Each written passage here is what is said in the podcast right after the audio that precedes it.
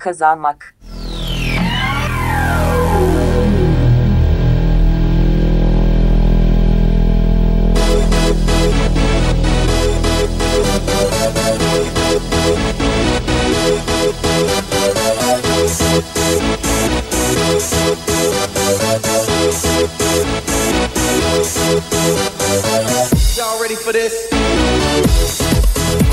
Då säger vi varmt välkomna till Sveriges största sportpodd, Sveriges eh, bästa fotbollspodd.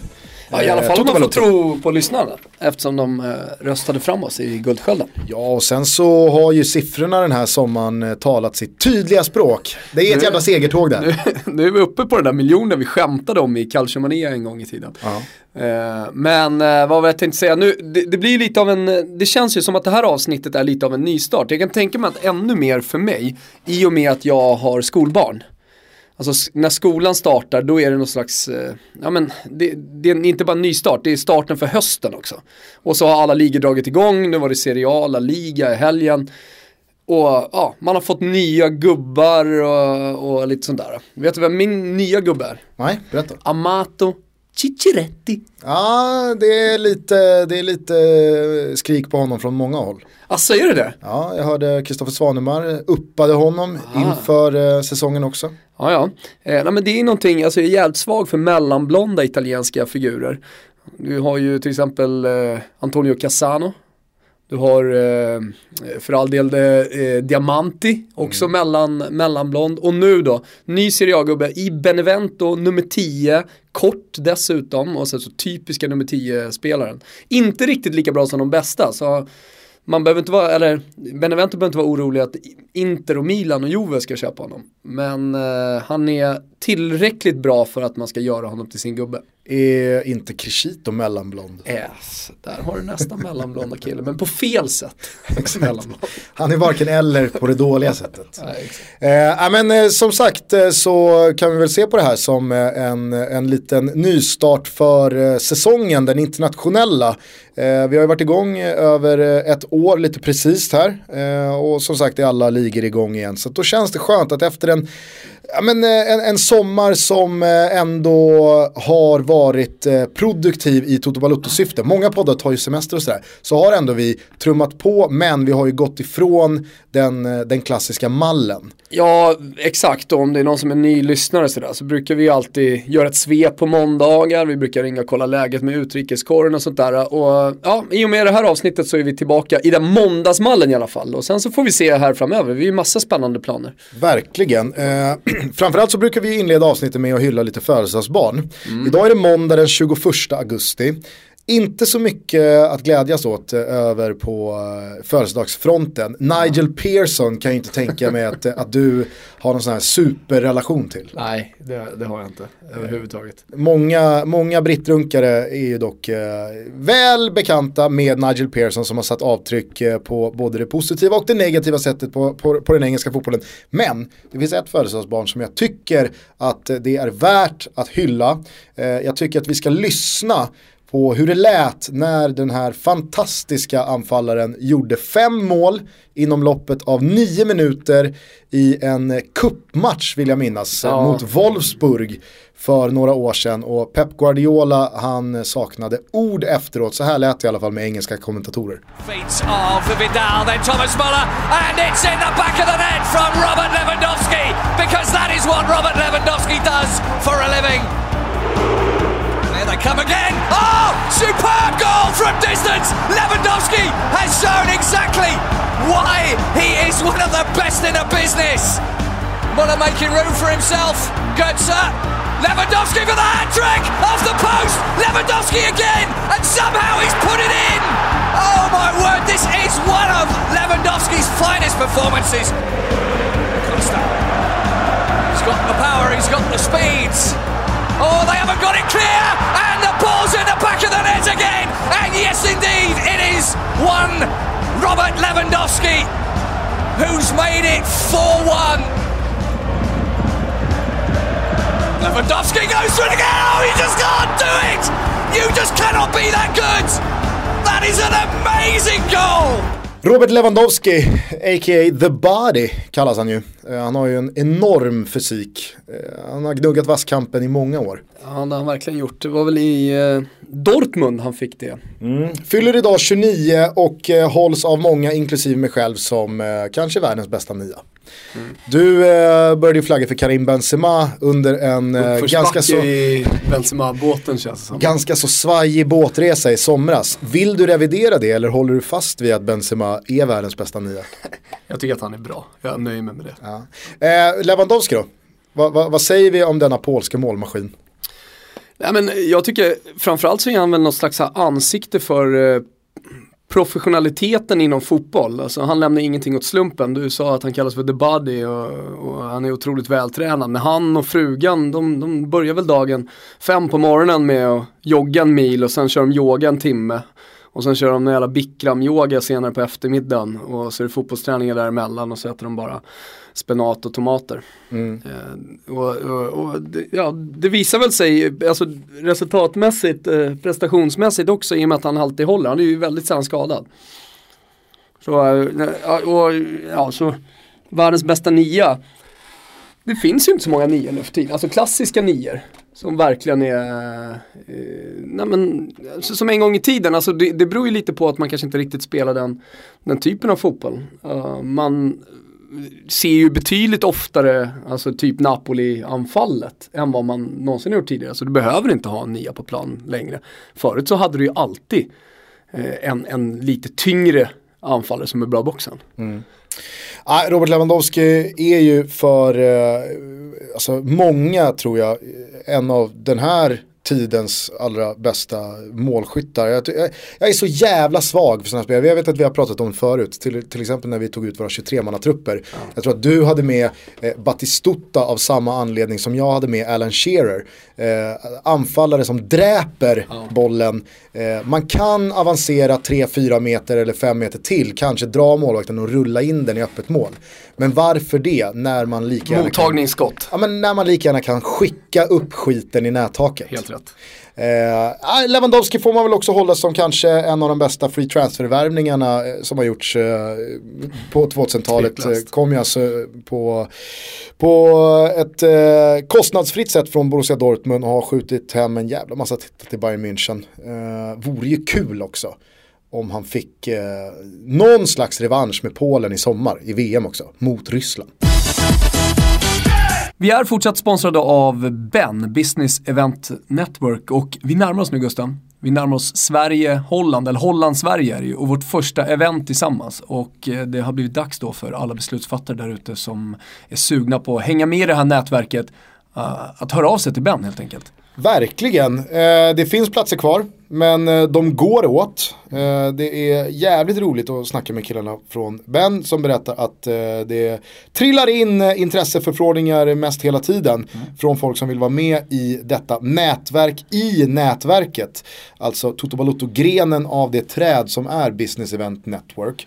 Vi kommer som sagt låta våran jungfrufärd vara uppknuten kring VM-kvalet mellan Holland och Sverige på Sjö och hav i Stockholm. Kanonställe.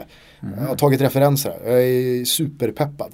Eh, du har eh, utlovat lite lullull. Ja, exakt vad det lullullet är, det vet vi inte än. Ja, men framförallt så kan man väl säga så här att eh, för alla som går med i det här nätverket så, så blir det givetvis så att man dels kommer få fyra stycken underbara och eh, förmodligen väldigt, väldigt givande events per år. Mm. Alla med eh, tydlig Toto Balotto och fotbollskoppling.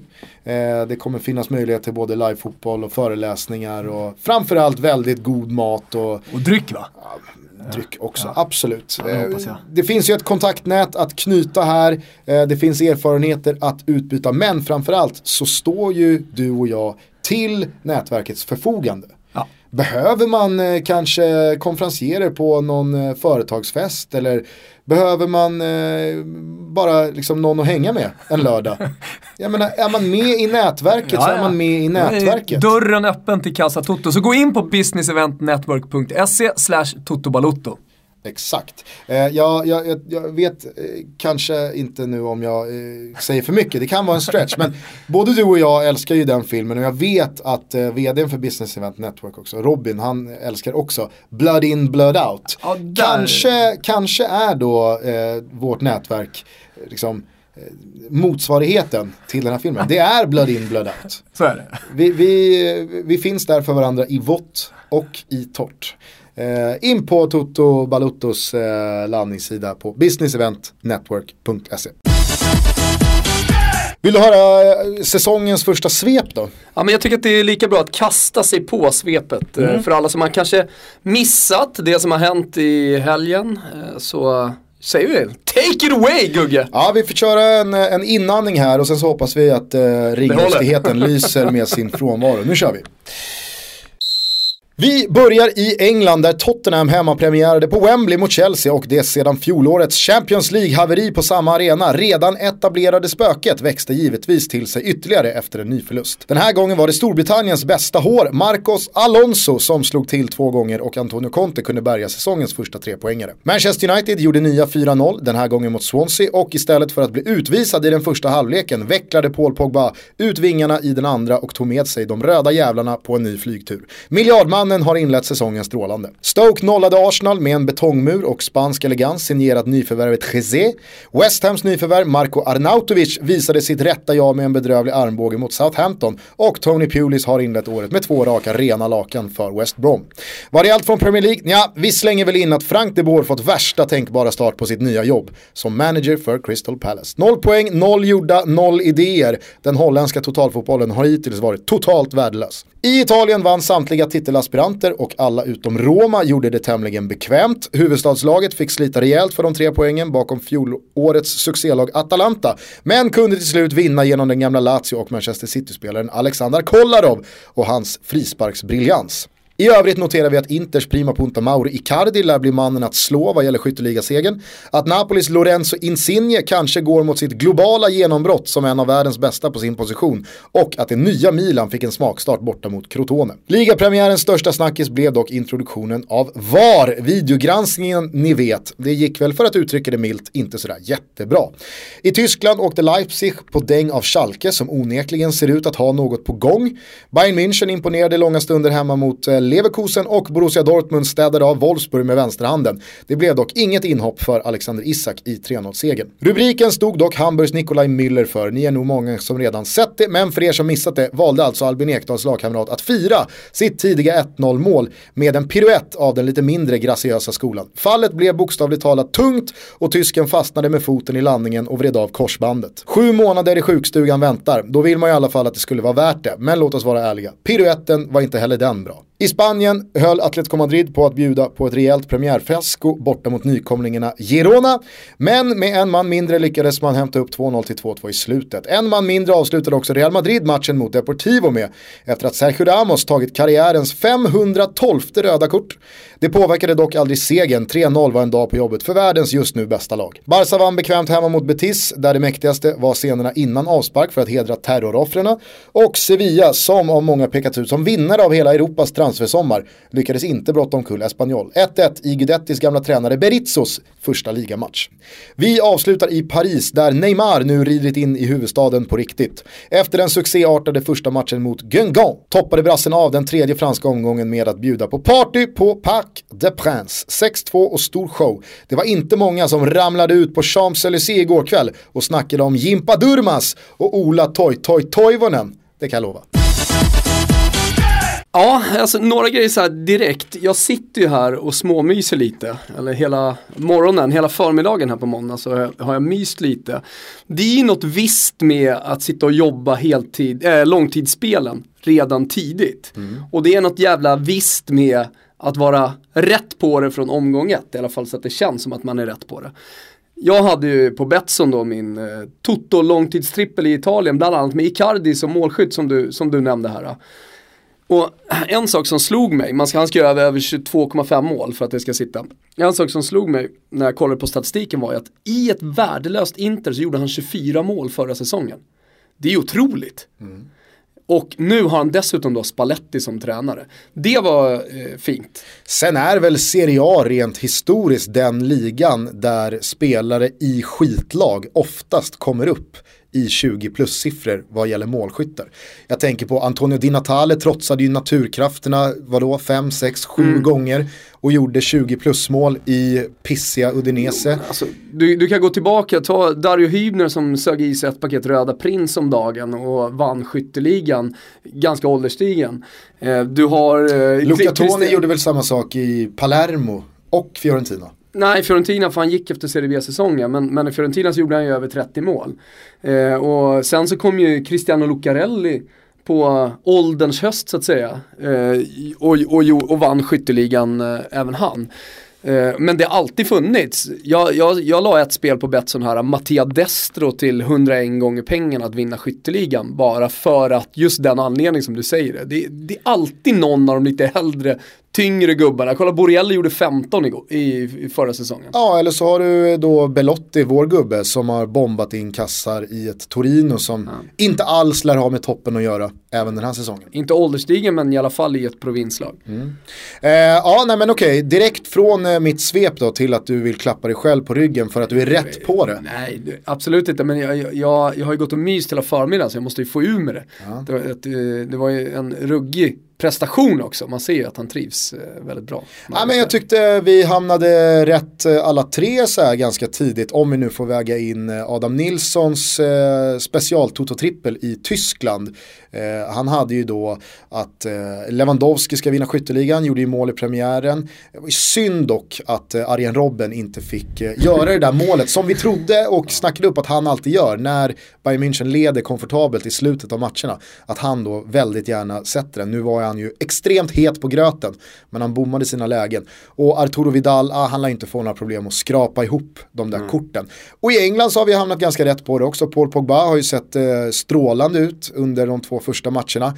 Borde ju eh, egentligen ha stått på ett mål till då eftersom eh, den, den den är ju aldrig inne, men den är ju inne, bollen som Bailly rakar in till 1-0. Eh, Ruggig sving på den i fantasy Premier League-laget. så är det. Nej men eh, Leicester började med torsk borta mot Arsenal och sådär, nu vann de i sig senast, men fan, det, det, det kan inte vara så att Shakespeare tränar det där laget hela året. Jag, jag vägrar tro det. eh, och ikväll så ska väl Kevin De Bruyne göra rent hus då mot Everton. Så att, nej, men vi, sitter, vi sitter bra i långtidsbåtarna eh, hos eh, Betsson.com. Och på tal om då nystart för säsongen så är ju eh, Toto-tripplarna tillbaks i ordinarie utformning den här veckan. Mm, hon kommer till, eh, till helgen. Vad tyckte du om svepet då? Eh, nej, absolut. Det, det är väl eh, liksom lite olika fokus. Alltså nu är man ju tillbaka, man är inte riktigt van heller med, med så mycket fotboll. Alltså lördag och så är det fullt fokus på Premier League. Och sen på söndag, även om det var Tottenham-Chelsea, så, så ramlar man in på Serie A. Det är ju det man har färskast i, i minnet från, eh, från helgen. Men jag tycker, eftersom du ändå nämner det i svepet, alltså Paul Pogba, vi kan väl bara cementera det. På tal om eh, att ja, spå säsongen och, och försöka se vad som komma skall. Så, så det, är inte, det är inte bara den här öppningen. Det, det ju, har ju alla varit inne på, alla fotbollsexperter oavsett var har ju, har ju skrivit om det eller pratat om det.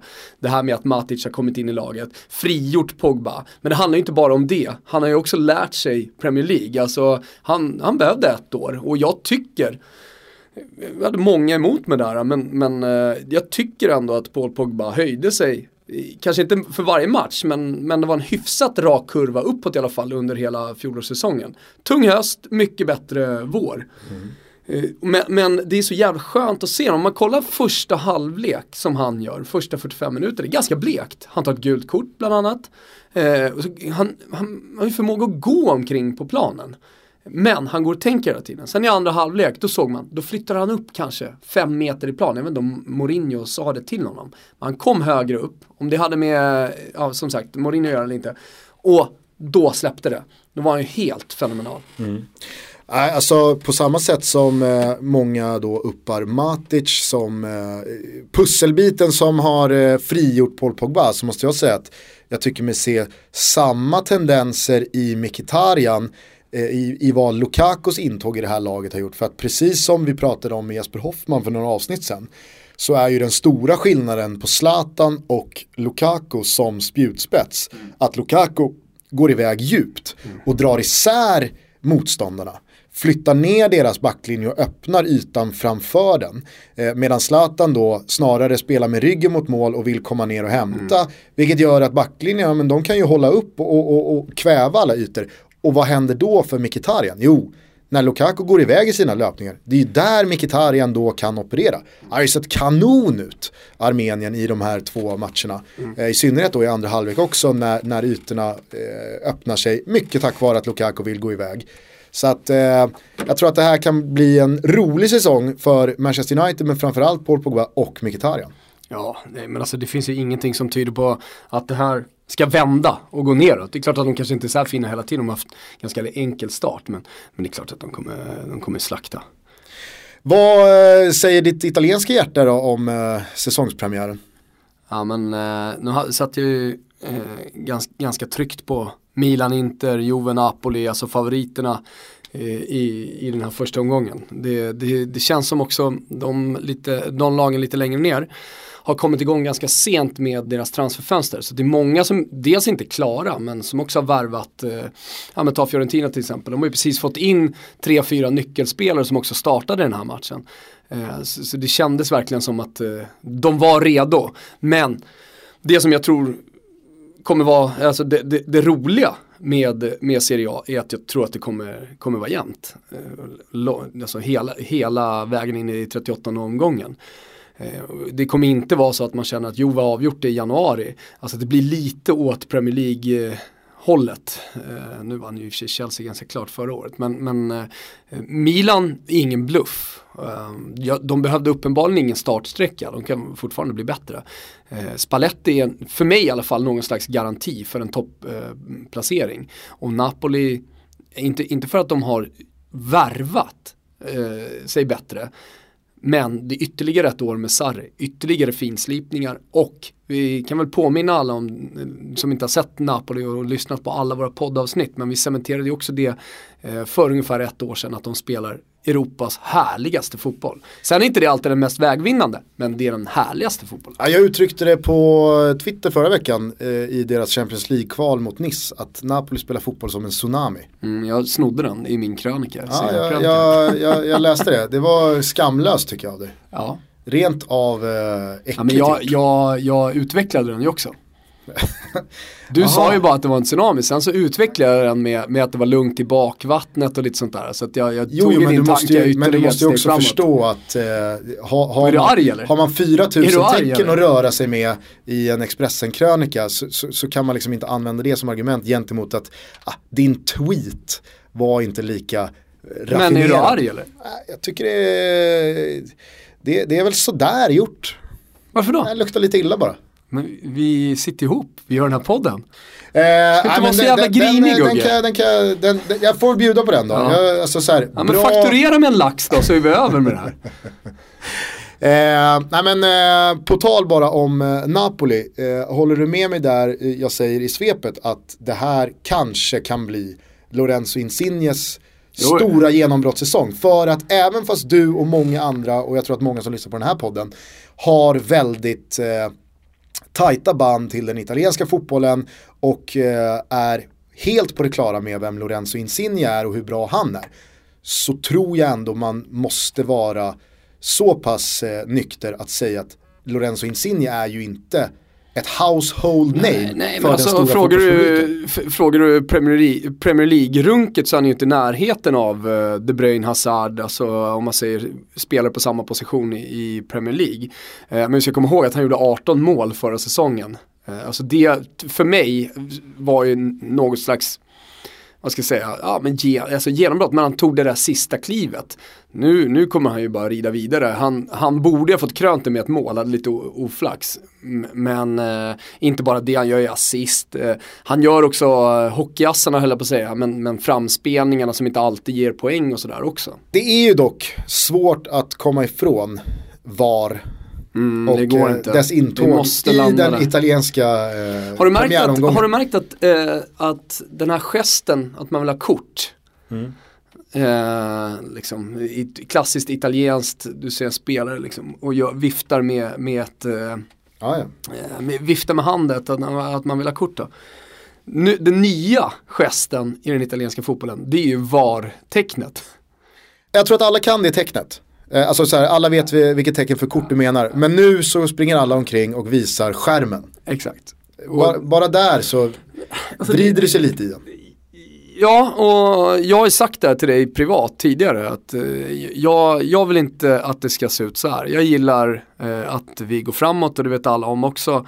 Men ska det funka på det här sättet då kan det lika gärna vara lite, känner jag. Det tar för lång tid. Eh, de här eh, videodomarna tar fel beslut. Alltså, det, det, det kan de inte göra. Jag har ju en, jag har ju en eh, liksom, riktigt bitter eh, smak i munnen efter att ha sett eh, några av de italienska matcherna den här helgen också. Där, där, där jag bara rent, rent eh, eh ideologiskt känner att jag hade ju hellre sett domaren springa ut. Det till gör en de ju ibland också. Ja men eh, exakt. Men så, som igår när Inter möter Fiorentina och eh, jag tror det är Miranda som eh, river omkull eh, Simeone i Fiorentina i första halvlek. Och det blir avbrott då för att eh, det ska granskas i efterhand. Och Tagliavento står bara på inneplan Och och väntar. väntar i tre och en halv minut på det här beskedet. Det hade känts mer rimligt i alla fall. Ifall det är Tagliavento Ja, men det var väl när Icardi ut. fick straff och sen så står han och väntar och ska skjuta den men då står han och väntar på att videogranskarna ska bekräfta att det faktiskt var straff. eh, Dels där, men senare i, Ja, i ja, halvleken ja, så är det en till situation där Ja. då Tagliavento bara står, eh, alltså domaren i matchen, han bara står och väntar på beskedet. Mm. Ni som har lyssnat på de här eh, liksom, episoderna förut vet ju vart jag står. Jag hade gärna sett att hela skiten skrotas. Men gällande det här, så, så om, det nu ska, om det nu ska bedrivas VAR under den här säsongen. Så Det låt kommer för fan göra. domaren springa ut och titta på skärmen då. Så att han får bestämma ifall det är straff eller inte i efterhand. För då, när det blir som då igår, att eh, då får Tagliavento i örat att nej, det var ingen straff så att nu kan vi fortsätta med spelet. Vem är det då som dömer matchen? Förstår du hur jag tänker? Det är en sak att ha videogranskning så länge det är en och samma domare som bestämmer. Men när det så uppenbart inte heller är domaren som avgör vad som är straff och inte eller vad som är rött kort och inte. Då blir det så jävla många kockar i köket och alla kan talesättet. Soppan blir ju inte bra när det är för många som är där och petar i den. Nej. Eh, sen är det, nu hade man ju inte sett det tidigare och när jag var sådär superpro i våran ganska heta diskussion i våras. Eh, så hade man ju aldrig upplevt det och, och man vet ju inte om man ska reagera från första, från första gången man ser det. Eh, och ja, men jag, jag tyckte det kändes eh, lite som du har sagt tidigare, lite vidrigt eh, att se dem stå där och vänta och att det tar så lång tid faktiskt. Och sen så måste jag säga att man får ju direkt kräksmak i munnen av att höra från läktarhåll.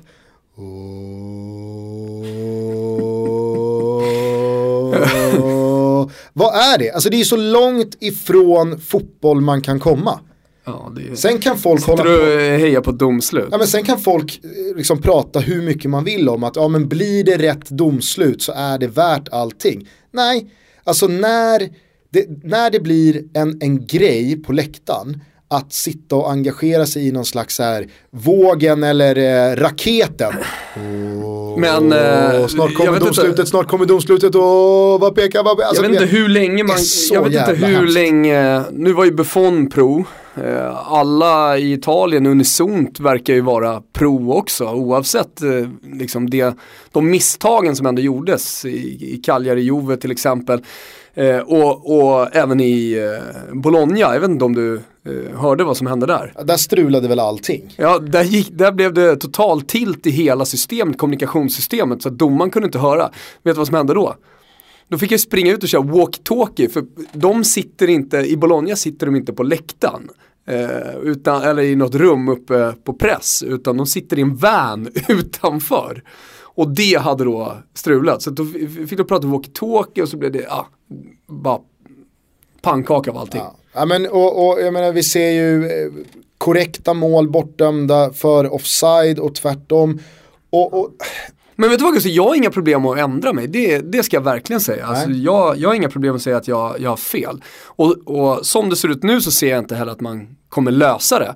Utan då är det bättre att man, tycker jag, eh, nu kommer de inte göra det men jag hade tyckt det var bättre att man, man skrotar efter omgång ett och säger att fan gubbar det här funkar inte. Kommunikationssystemet funkar inte så vi måste hålla på med walkie-talkies.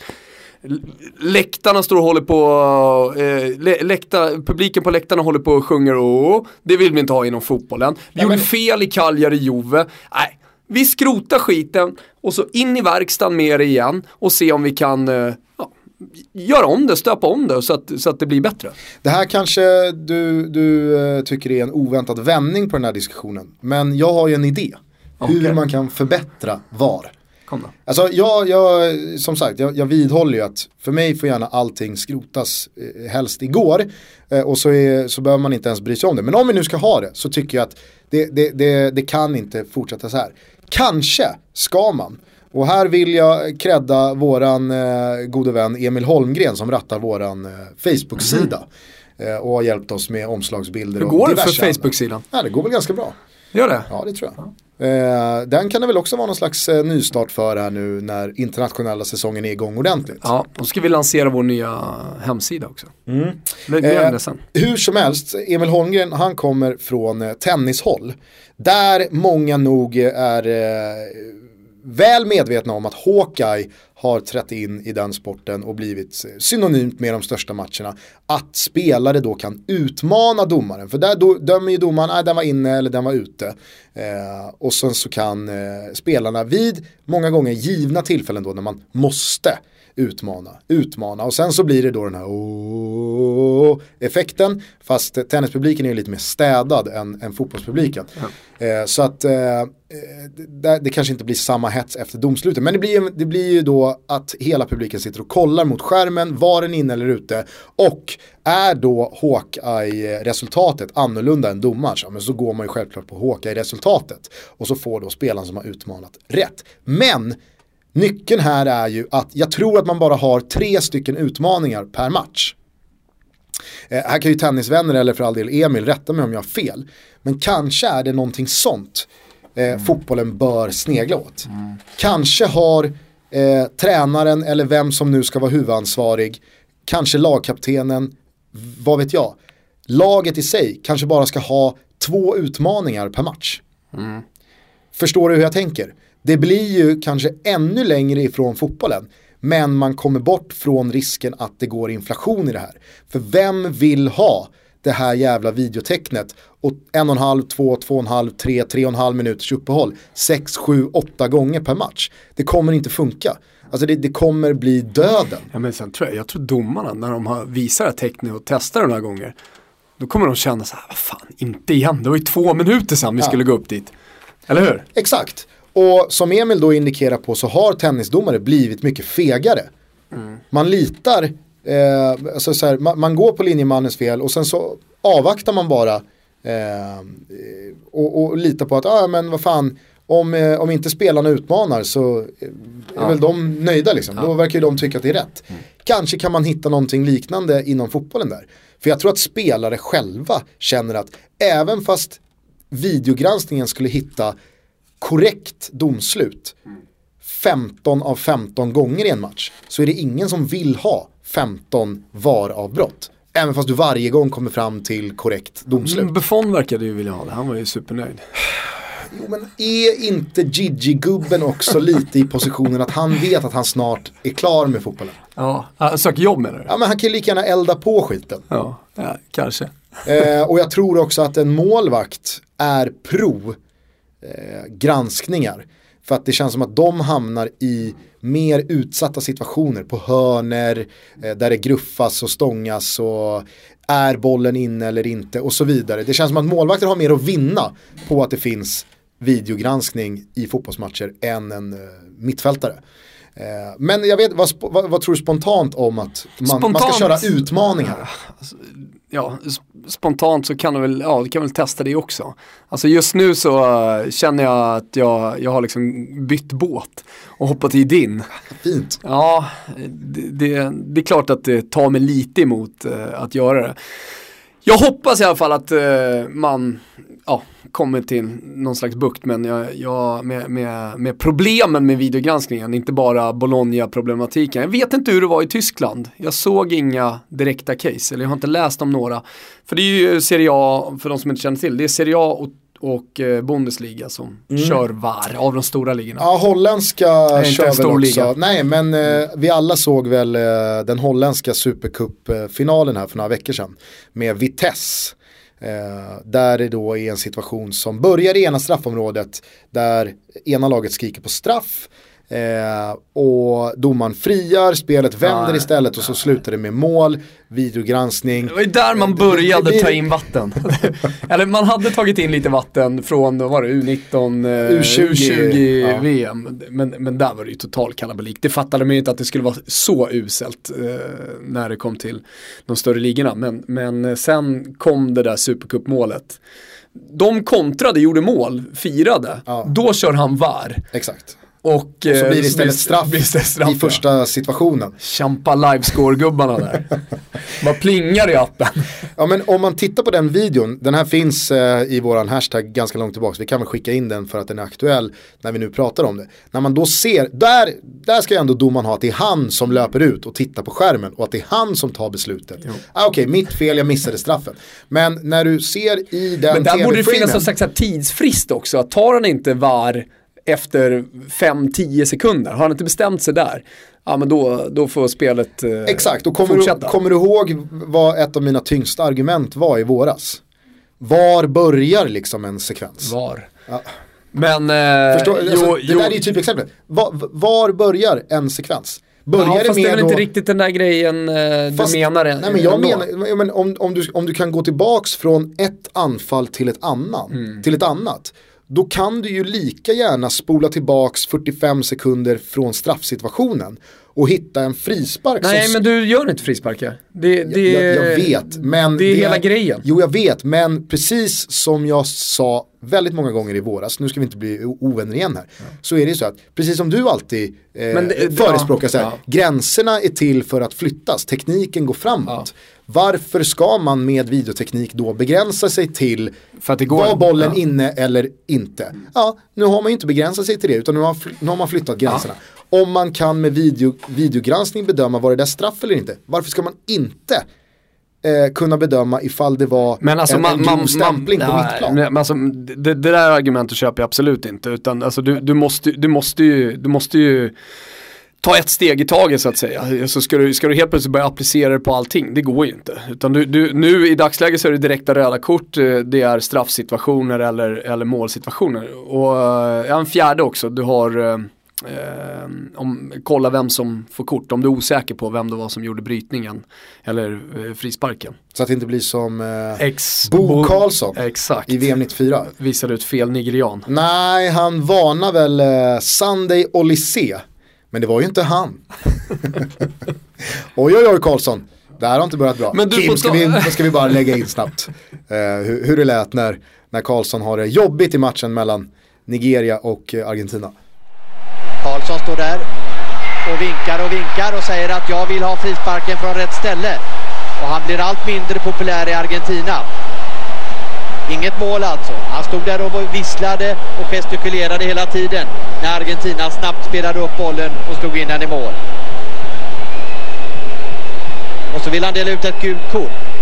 Det var därför som han eh, inte lät frisparken gå. Olise. Mycket förvånad. För det var ju inte han som eh, fällde Caniggia. Oj då Karlsson. Det här har inte börjat bra. Bara avslutningsvis då, du frågade hur det gick i Tyskland. Där mm. tror jag faktiskt att det, det den största rubriken som var var att Freiburg gjorde 1-0 i sin eh, premiär men fick det då korrekt bortdömt som jag såg att du glatt, Bra. du glatt hejade på. Nu står man med foten i, i, den andra båten igen. Jag kommer byta här några gånger mellan, mellan de här båtarna. ah, jag vet inte. Men trötta i oavsett vad.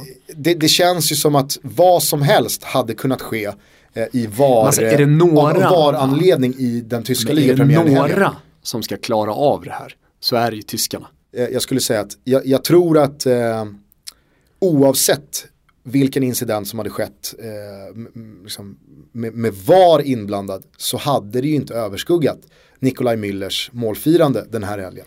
Alltså det är ju, det är ju där uppe med Canizares dämpade parfymflaska som gjorde att han missade VM 2002.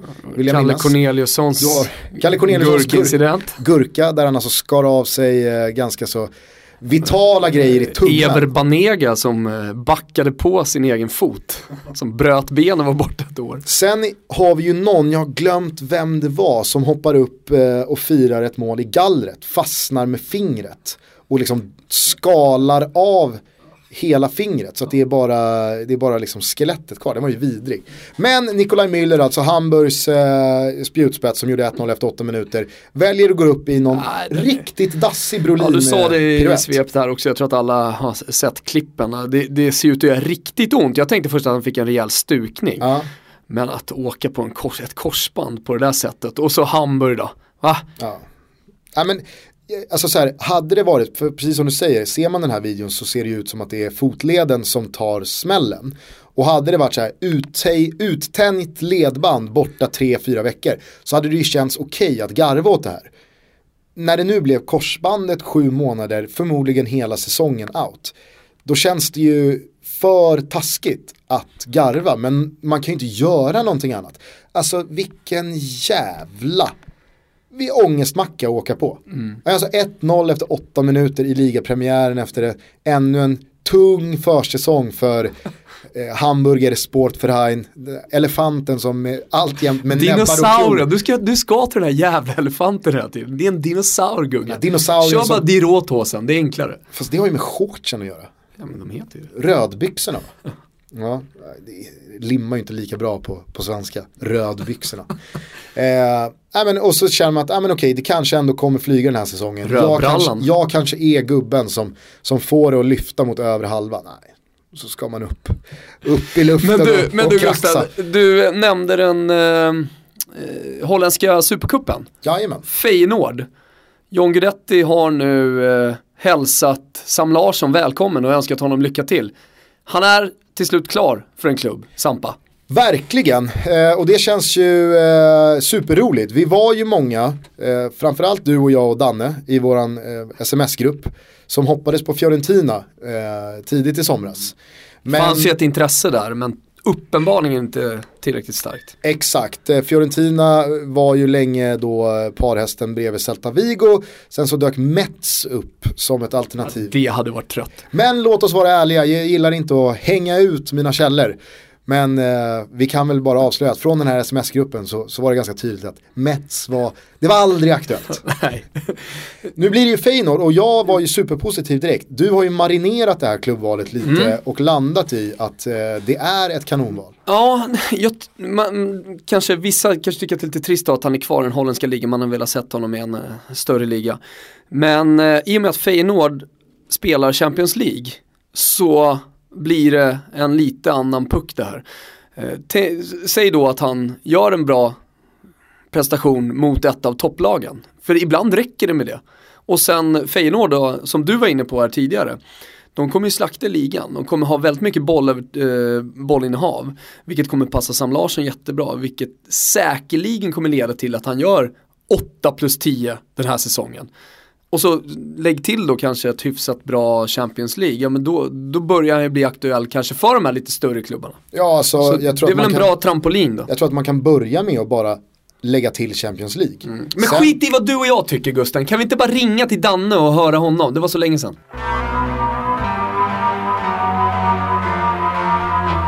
Tjena Danne, Danne här. Har du Sams nummer?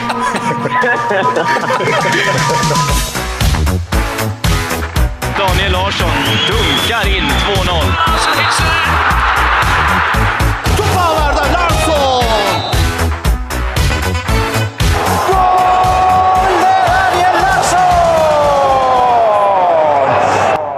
Varmt välkommen då tillbaka till eh, Toto Balutta Danne.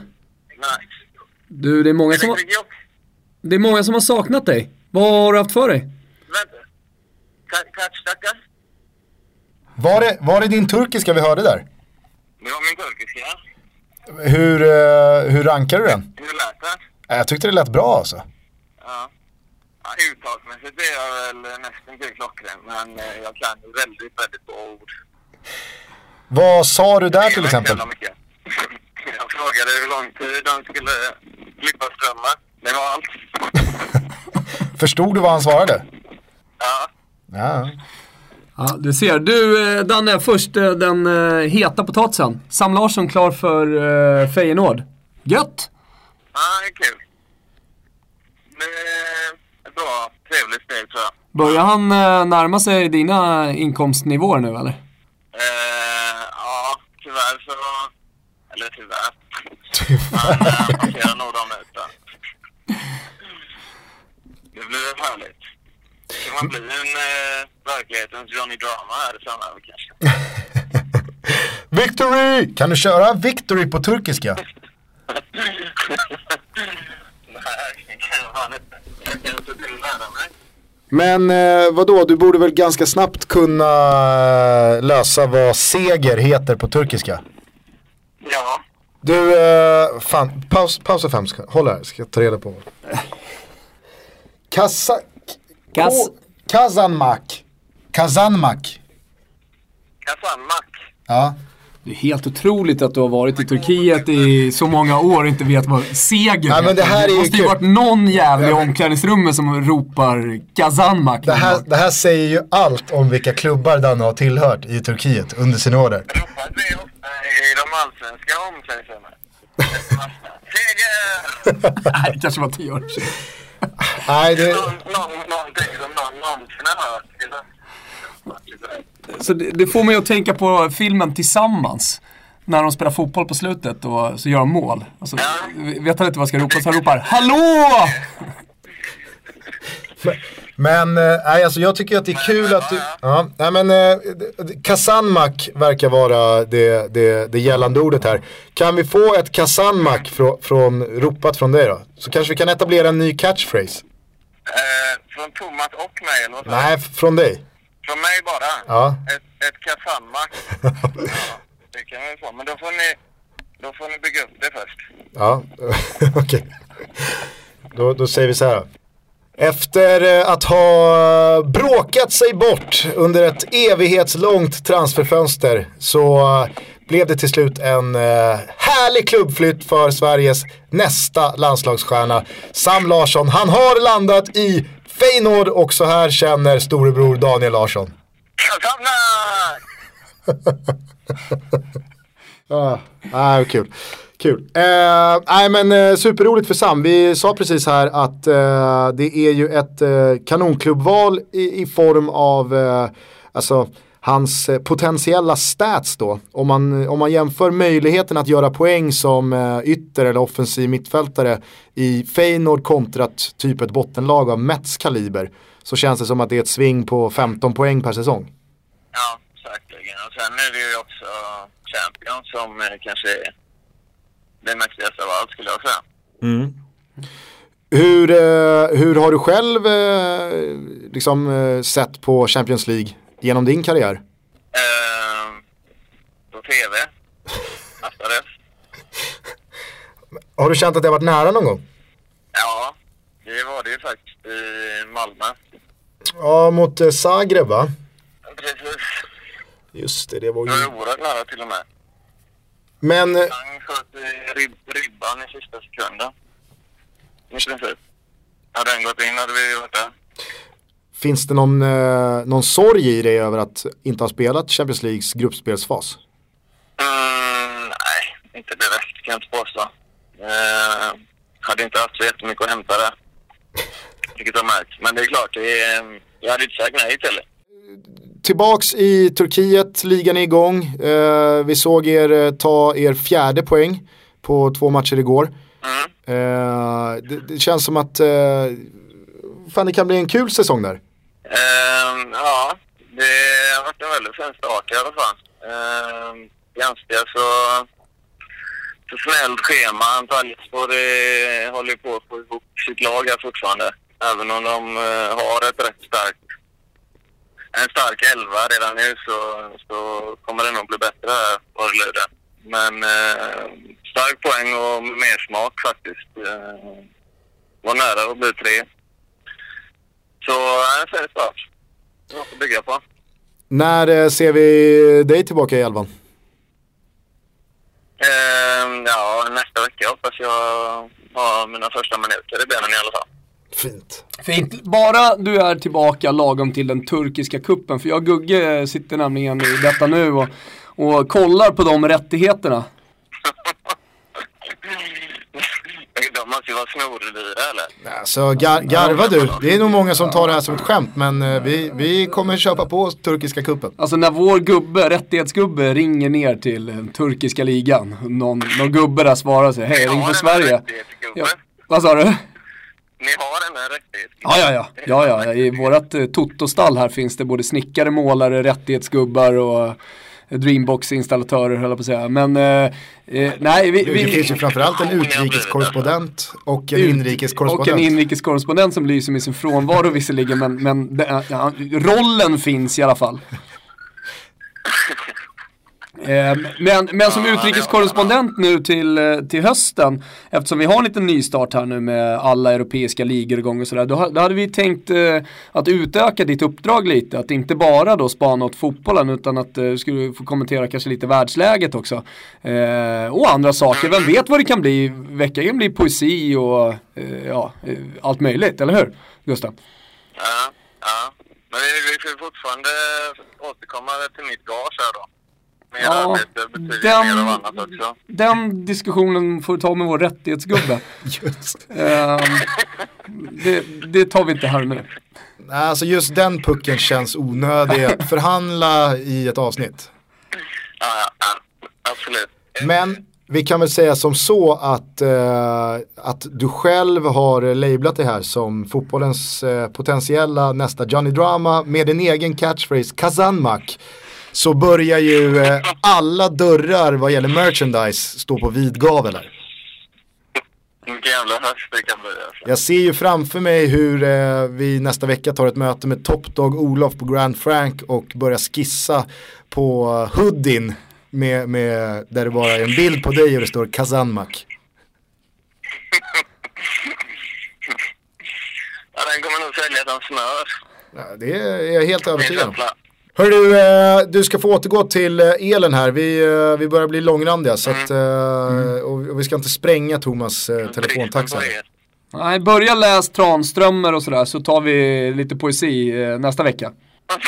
ja, men det låter bra. Ja men du kan väl skaka fram någon favoritdikt? Ja, absolut. Bra, bra. Eh, krama Lollo och barnen. Mm, det ska jag göra. Bra, Mm, ta hand om dig. Hörs snart då. yes yes. Ja, ni två också. Men du vet väl hur vi avslutar? Danne, Hammar! ta det, ta det en gång till. Nej, vi kan inte alltså, förstöra det redan första avsnittet. Nej men eh, Ja, lite. jag känner inte att vi gör Kazanmak! Det där var jättebra. Ja men eh, kan, kan vi få ett avslutande här nu? Nej, vi håller på den tills vi har något att fira med. Jag tycker, jag tycker Danne har rätt här. fan. Vi hörs nästa vecka. Kazanmak på det. Ja, det gör vi. Hej! Kaffamma på er. Hej. kazanmak, Jag tycker väl att lyssnarna kan ju komma med eh, förslag då varje vecka vad de tycker att eh, vår utrikeskorrespondent eh, ska eh, tycka om. Eller hur? Och det behöver ju absolut inte vara fotbollsrelaterat, snarare tvärtom. Exakt. Jag, jag, jag tycker man för varje gång eh, man, man pratar med Danne så, så känns det som att liksom, det, det, det mer och mer eh, håller på att eh, liksom, urlakas eh, fotbollsintresse där. Han vill egentligen bara surra om annat. Ja, eh, men eh, verkligen. Eh, Han, han känns ju redo att ta det stora klivet bort från fotbollen för att då kommentera kanske världsläget eller poesi, eller hur? Ja, nej, men eh, det gör vi. Nu börjar vi från och med nu då skicka ut lite så här Twitter polls. Vad, eh, vad ska vi prata med Danne om den här veckan? Mm. Och sen så fyra helt eh, liksom, olika ämnen eller aktuella händelser som inte har med fotboll att göra.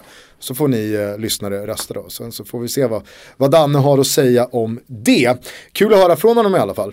Det har varit en lång sommar utan hans röst. Eh, så att eh, ni hör ju själva, Toto Balutto är tillbaka med eh, full kraft och eh, det här är ju avsnitt 99, kanske många tänker så här, oj oj oj, vad ska de göra avsnitt 100? Eh, det är ju dessutom så att eh, säsongsgenomgången av den italienska ligan, Serie A, eh, lös med sin frånvaro förra veckan. Vi har ju pratat med, om eh, Premier League med Jesper Hoffman, vi har pratat om La Liga med Adam Pintorp, om Bundesliga då med eh, Adam Nilsson och sen så är det ju då Serie A kvar. Och det har vi valt att bryta ut till, till ett separat program. Och vår, eh, till vår stora glädje så kommer Martin Åslund och gästar oss eh, för att eh, bidra med sina tankar och funderingar kring årets Serie A-säsong. Mm, han kommer i veckan så det avsnittet får ni innan helgen. Men det är inte avsnitt 100. Nej. Berätta. Ja, men vi, vi, vi har tänkt att vi ska göra, eh, efter påtryckningar höll jag på att säga från eh, många av våra lyssnare, eh, ett, en, en slags eh, live-show på något sätt. Jag vill inte kalla det för en live-podd utan eh, jag vill försöka växla upp det till någonting mer. Ja, alltså det Eh. finns väl någonting i mellanläget eh, mellan då att hyra in sig på någon källare på någon pub i Stockholm och att som Filip och Fredrik göra, fylla Globen. Någonstans däremellan. Mm. Vi har ju i vi, vår extrema ödmjukhet också funderat på, eh, i alla fall väckt tanken om att hyra Globen men eh, vi har nu slagit ner den. Alltså det, det, ja, det hade kunnat bli det hade kunnat bli ett smärtsamt bokslut Herregud. för Giljo Media och Aldair Media för 2017. Har vi fått eh, leva på svanen hela, hela 2018. Men eh, nej, eh, avsnitt 100 eh, läggs således på is för en, en, en senare tillställning som både du och jag och förhoppningsvis alla andra kommer ha stor glädje av. Martin Åslund kommer att gästa oss och går igenom eh, våra tankar och känslor och funderingar kring Serie A-säsongen 17-18 i nästa avsnitt och så får det då bli avsnitt 101. Och så håller vi på den lilla karamellen lite och hoppas snarast kunna presentera vad vi ska göra med avsnitt 100.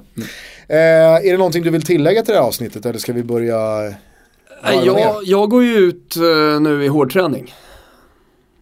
Kickkampen eh, tänker du på? Ja. om en månad så kommer ju eh, Kickkampen gå av stapeln på Tele2 Arena.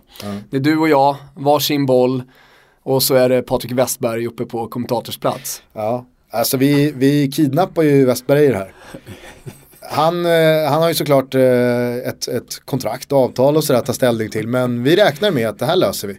Självklart. Eh, det, det kommer bli trivsamt. Ja, det kommer, kommer garanterat bli trivsamt. Nej, men, och jag känner ju att jag, jag är, ja, jag är en högoddsare i den här tävlingen och jag tror att alla som såg eh, våra små, våra små eh, kickfilmer på Instagram också såg tryggheten när du kickade jämfört med när jag tryckte upp den på låren. Ja, det tog ju två touch, sen var du ute och dribblade i vinbärsbuskarna. Det, hade, det hade kunnat sluta som Nikolaj Müller för dig. Men du, du skrev ju tillbaka till eh, Betsson för att de ska sätta odds. Eh, lite om dina kunskaper med att jonglera då.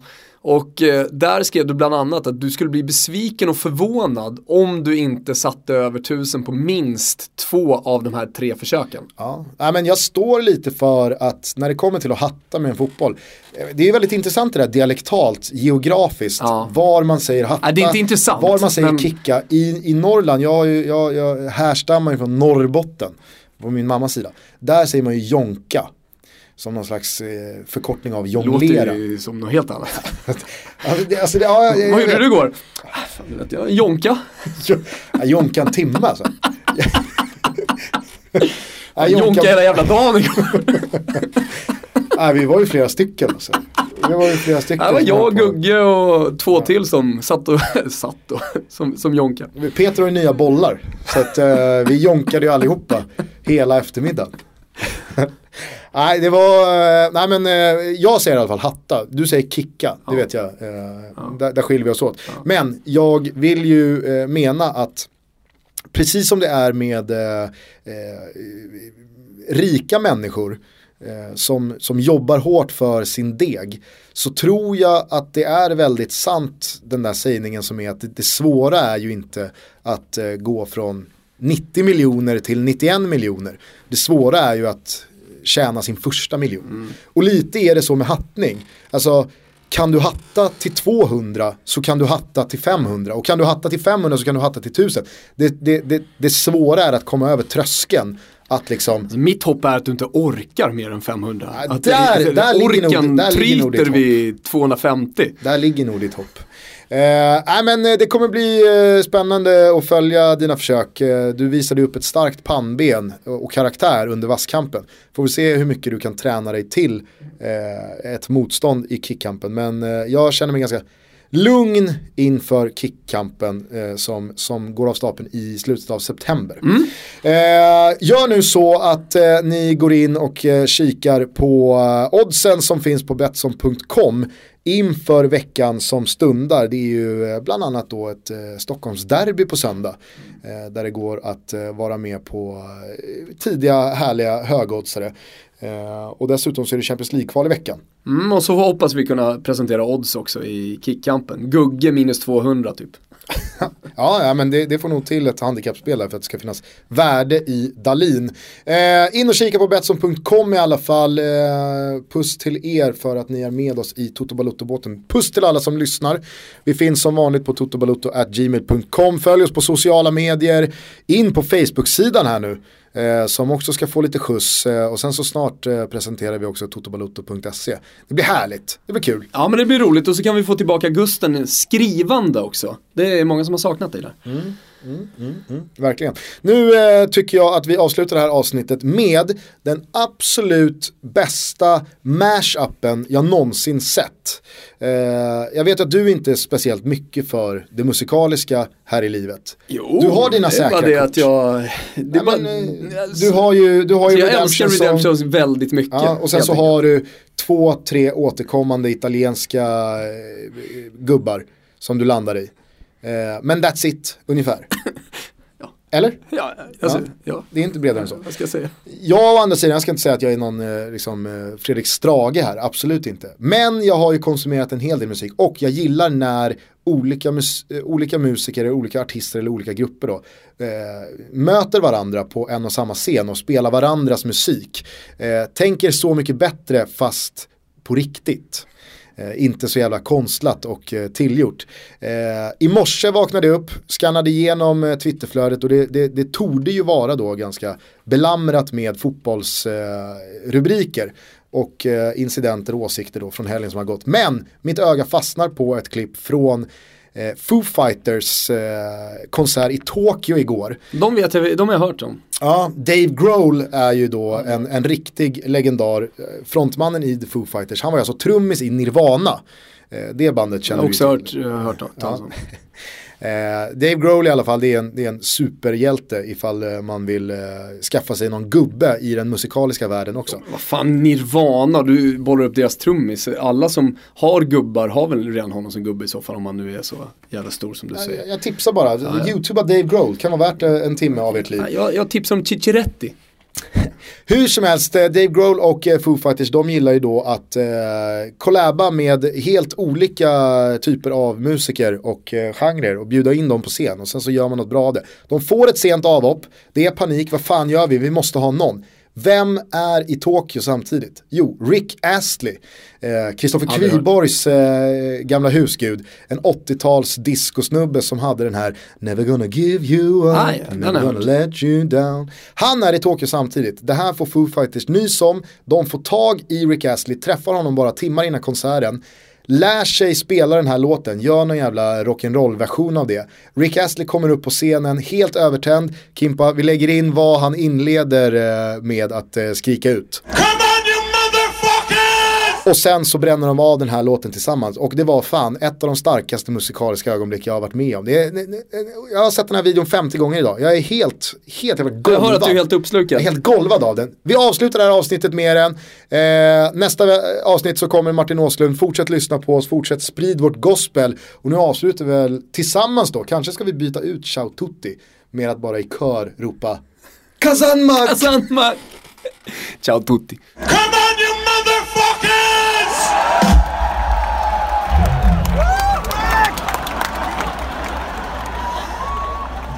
oh, I gotta remember how you do it. Hold on.